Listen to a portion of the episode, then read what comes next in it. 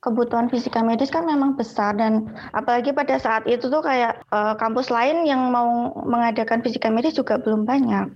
Biomedical Engineering itu bahasanya adalah uh, aplikasi fisika, aplikasi keteknikan untuk memecahkan persoalan uh, biologi dan kesehatan.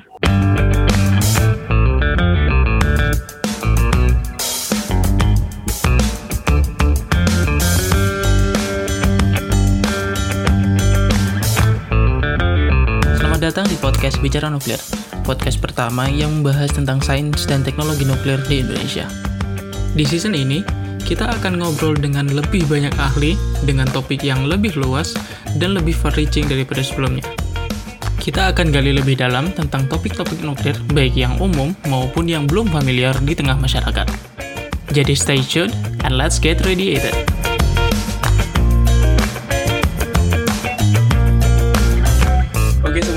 Datang di episode ke-6 podcast Bicara Nuklir. Uh, kali ini kita kedatangan lagi, seniorku lagi dari UGM. Ini udah banyak banget emang seniorku karena ya ya gimana ya circle saya circle saya sedikit dan circle nuklir itu sebenarnya di Indonesia juga sedikit ya muter-muter di sana aja.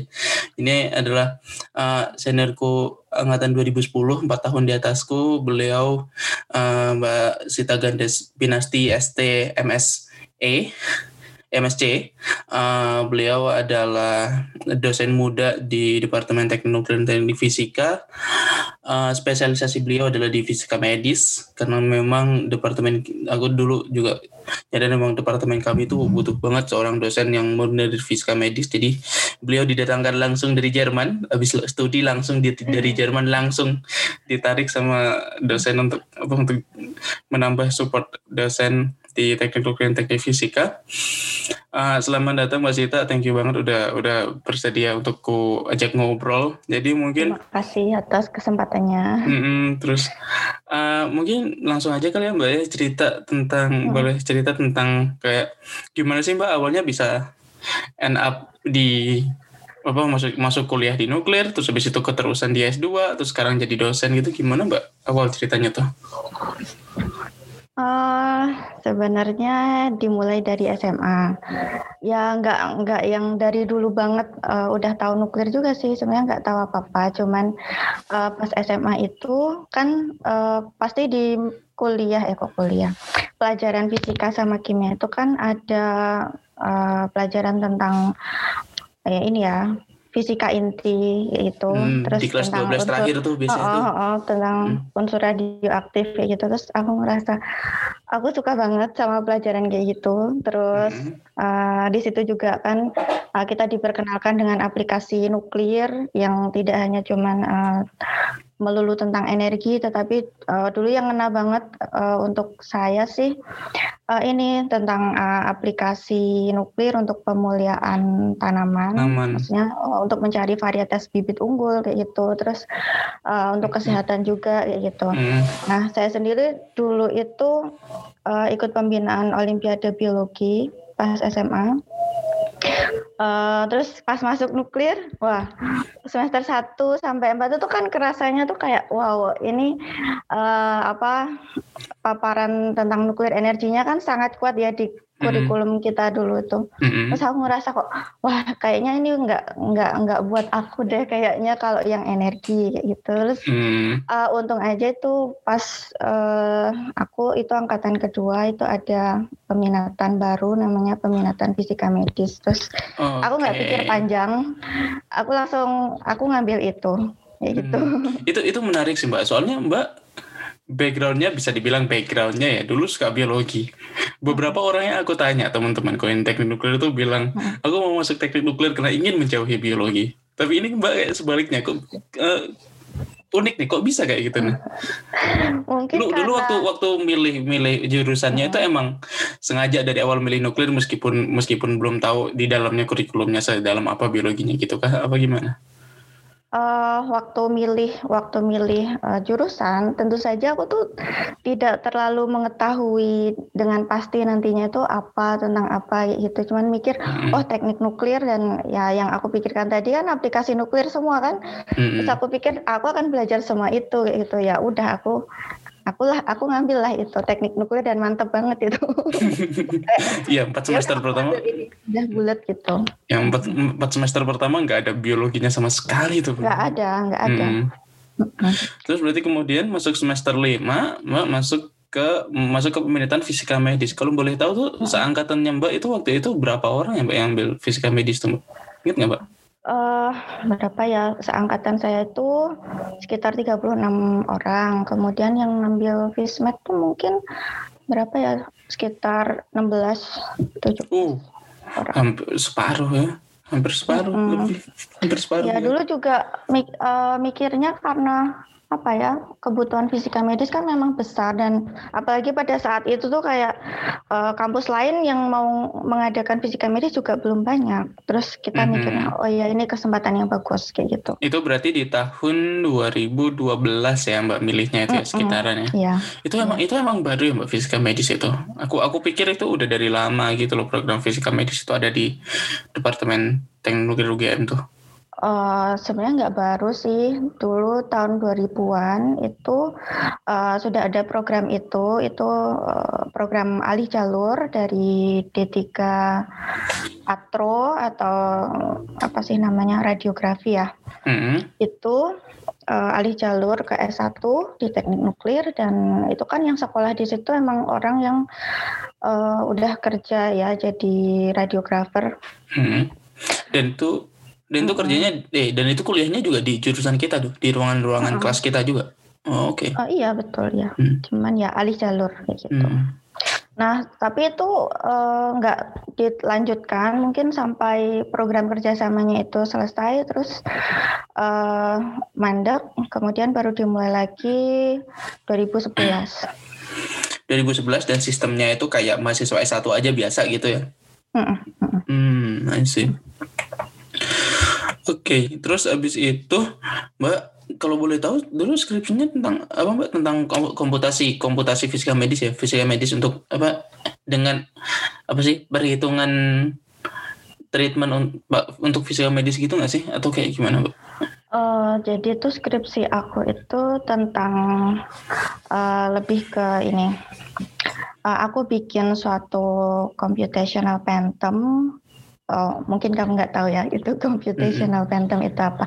Jadi tujuannya dulu deh. eh, jadi ada suatu terapi di kedokteran nuklir namanya eh, terapi radioiodin untuk mengobati kanker tiroid.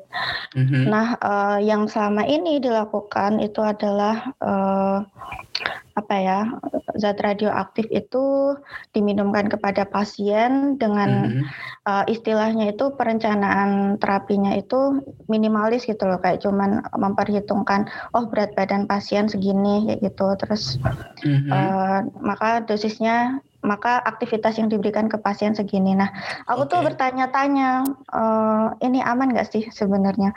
Kan sebenarnya eh, orang satu dengan orang yang lain itu kan beda ya, Iya betul. Mhm. beda, beda bentuk tubuhnya, tinggi, berat badan dan eh, metabolisnya juga berbeda. Mhm. Masa sih dipukul rata kayak gitu? Nah, Mhm. Nah, oleh karena itu aku tertarik untuk menganalisis eh, gimana sih eh, persebaran dosis itu di tubuh pasien. Oke. Apakah apakah itu akan aman untuk organ-organ yang sehat kayak gitu. Hmm, hmm. Ya, Jadi, Uh, Terus aku bikin eh, suatu computational phantom itu artinya adalah tiruan tubuh manusia tetapi dalam bentuk komputasi itu mhm. 3D. Mhm. Nah, terus itu aku pakai untuk eh, simulasi Monte Carlo yang apa ya? Yang itu kita semua percaya bahwa untuk eh, simulasi eh, atau eh, apa namanya? mempelajari kejadian random kayak Mhm, proses betul. nuklir itu kan pakai Iya. metode Monte Carlo ya. Mhm. Ya, itu untuk eh, Phantom itu untuk eh, simulasi Monte Carlo untuk eh, menganalisis distribusi dosis untuk pasien tadi. Oke, jadi intinya apa inti inti dari motivasinya itu adalah karena treatment planning sistemnya selama ini untuk yang kayak proses apa tuh proses yang kalau yang diminumkan itu istilahnya apa ya lupa aku ya. Eh, ingestion. Nah, ingestion, inge- ingestion itu itu selama ini tuh standarnya cuman di distandarkan kepada hal-hal yang nggak terlalu detail, Cu- mungkin apa kayak kayak berat badan dan sebagainya. belum cukup akurat. Belum cukup akurat. Nah, makanya dibuat komputasinya supaya nanti kita bisa tahu jadi faktor penentu jumlah dosisnya itu nggak cuman berat badan doang atau gitu-gitu kali ya Pak ya? Gitu Mbak mm-hmm. intinya ya. Supaya supaya apa sih hubungan antara uh, sumber sumber mm-hmm. radiasi misal uh, radiasinya terakumulasi di tiroid gitu. Yeah. Terus uh, organ kritisnya misalnya sumsum tulang belakang itu kan posisi satu orang dengan yang lain kan beda ya. Iya, yeah, iya. Yeah. Nah, mm-hmm. jadi supaya lebih akurat itu ya perlu dipikirkan suatu perencanaan uh, terapi yang lebih uh, mengakomodasi semua itu. Oke. Okay. Terus itu pasti eh, ketika itu ketika bikin skripsi itu aku mikirnya dulu ya kalau misalnya aku di posisi aku nih dulu tuh waktu mikir skripsi aku juga mikir masa depan nih kayak uh -uh. habis skripsian ngapain ya? mau kerja aja, mau sekolah lagi gitu. Kalau mbak dulu gimana mbak? Akhirnya mau memutuskan tuh kayak ah sekolah lagi aja deh gitu. Jujur ya, uh, sebenarnya uh, karena kondisi apa ya aku anak pertama kemudian uh, apa ya aku mikirnya uh, secepatnya mencari kerja tapi aku inginnya itu yang sejalur dengan uh, apa yang aku pelajari jadi aku nggak hmm. mau keluar jalur kayak gitu. Loh, kalau kalau di fisika medis bukannya juga akan bertemu dengan uh, bertemu dengan pasien juga ilmunya juga akan diterapin banget gitu kan maksudnya kalau -hmm. mau jadi fisikawan medis gitu loh. Iya, uh, sebenarnya waktu itu aku juga pengen kerja jadi fisika medis, tetapi uh, pada saat aku lulus tahun 2014 itu lowongan uh, fisika medis itu nggak sebanyak sekarang ya. Hmm. Uh, saya, saya kurang tahu kenapanya. Uh, mungkin juga pihak rumah sakit belum ter teredukasi mengenai uh, kepen apa pentingnya fisika medis ini dan juga mungkin dari pihak uh, apa otoritas pemerintah itu mungkin belum mewajibkan adanya fisika medis mm-hmm. seperti halnya sekarang begitu. Jadi urgensi fisika medis tuh belum sebesar sekarang begitu. Oh. Uh-uh. Oke, okay, menarik. Berarti uh, ada perubahan aturan gitu ya. Dulu dulu mm-hmm, sebelumnya fisikawan medis nggak terlalu dibutuhkan, sekarang udah harus diwajibkan di semua rumah sakit yang punya alat alat yang berkaitan dengan uh, apa tuh alat yang berkaitan dengan radiasi nuklir gitu ya. Ya, uh, bisa dibilang ya teman-temanku dulu yang uh, seangkatan ya keluarnya sekitar 2014-2015 dan yang bekerja menjadi fisika medis uh, bisa dibilang baru satu Mas Irhas. oh oke. Okay. Iya. Dari dari belas itu saat itu ya, oke. Okay. Oke, okay. ya. terus kemudian Mbak memilih untuk kuliah S2 di bidang biomedical ya, biomedical engineering ya? Iya, sebelum itu sih maksudnya uh, aku kuliahnya itu kan mulainya 2016. Setelah mm-hmm. lulus itu ya aku nggak langsung kuliah, tentu saja aku uh, tahun berikutnya 2015 itu aku apply beasiswa sambil ikut magang di uh, itu di PSTA Batan. Oh, oke. Okay. Sampai berangkat. Mm-mm. Itu di di bidang yang mana, Mbak? PST-nya? Uh, eh, di bidang BNCT. Oh, oke. Okay. Uh-uh. Aku tuh aku tuh lupa kalau PST Abatan tuh punya BNCT. itu berarti ngapain aja tuh Mbak? Pemeliharaan kah atau Mbak melakukan eksperimen juga atau gimana tuh di PSTA-nya? Belum sih. Uh, waktu itu uh, proyeknya itu lebih ke ini. Jadi uh, PSTA Batan itu berencana untuk mendirikan uh, fasilitas BNCT pertama di Indonesia. Mm-hmm. Uh, yang ya sebenarnya waktu itu aku juga belum tahu kapan uh, didirikannya begitu. Cuman uh, yang kita kerjakan adalah uh, kayak visibility study. Terus kalau misal alat itu datang, uh, kan rencananya tuh uh, uh, tidak semuanya akan membeli ya. Jadi ada ada sebagian yang kita usahakan sendiri ya gitu. Mm -hmm. Jadi uh, lebih ke uh, apa ya? Uh, misalnya kayak mendesain fasilitasnya gitu. Oke. Okay. Ya. Tapi itu direncanakannya pemakaiannya untuk di internal PSTA sendiri. Uh, Atau nanti disewakan gitu ke pihak luar gitu?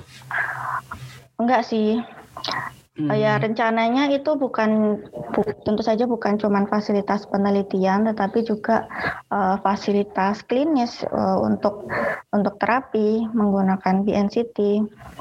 Uh, sekarang uh, update yang sekarang sih ini saya dengar dari dari Profesor Sarjono di Batan uh, kemungkinan uh, akan ada ini pendirian fasilitas PNCT di Jogja di oh, salah satu nice. rumah sakit di Jogja yang belum bisa disebutkan. Oh oke okay. ya yeah. itu itu bagus banget tuh berarti uh, terus kemudian setelah itu Mbak Mbak Mara sampai 2016 terus baru berangkat ke Jerman tuh. Bisnisnya ke LPDP juga kan Mbak ya? Iya. Mantap. Terus uh, itu di aku aku aku apa biomedical engineering itu itu mm -mm. itu aku tuh bingung sebenarnya biomedical mm. engineering itu kayak gimana soalnya ada orang yang bilang kalau misalnya itu dia itu agak mirip-mirip sama teknik elektro, teknik informasi gitu. Mm. Uh, tapi tapi namanya biomedical itu itu sebenarnya jurusannya tuh ngomong pelajari apa sih mbak dan kenapa kok bisa nyambung yang yang mbak pelajari di teknik nuklir fisika medis tuh kok bisa nyambung ke sana gitu Iya, uh, jadi mungkin perlu aku apa ya? Mungkin ini pandangan aku tentang uh, bedanya bukan bedanya ya maksudnya bagaimana kita memahami uh, fisika medis dan biomedical engineering.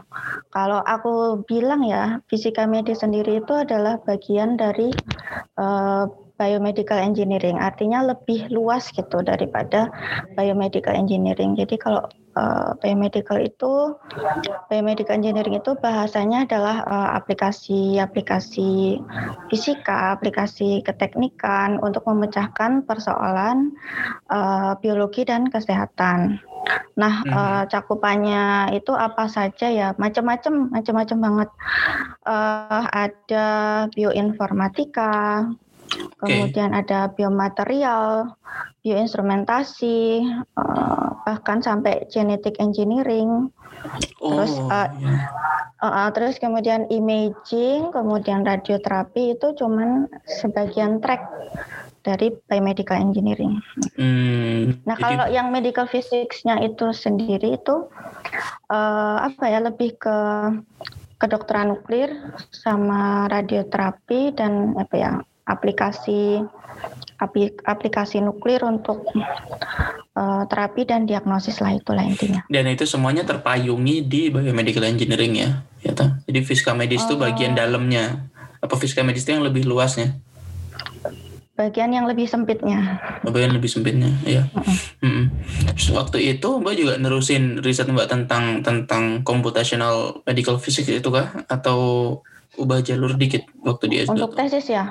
Hmm. Untuk tesis enggak sih, uh, saya me mengambil tawaran gitu. Jadi, oh, okay. uh, eh, ya.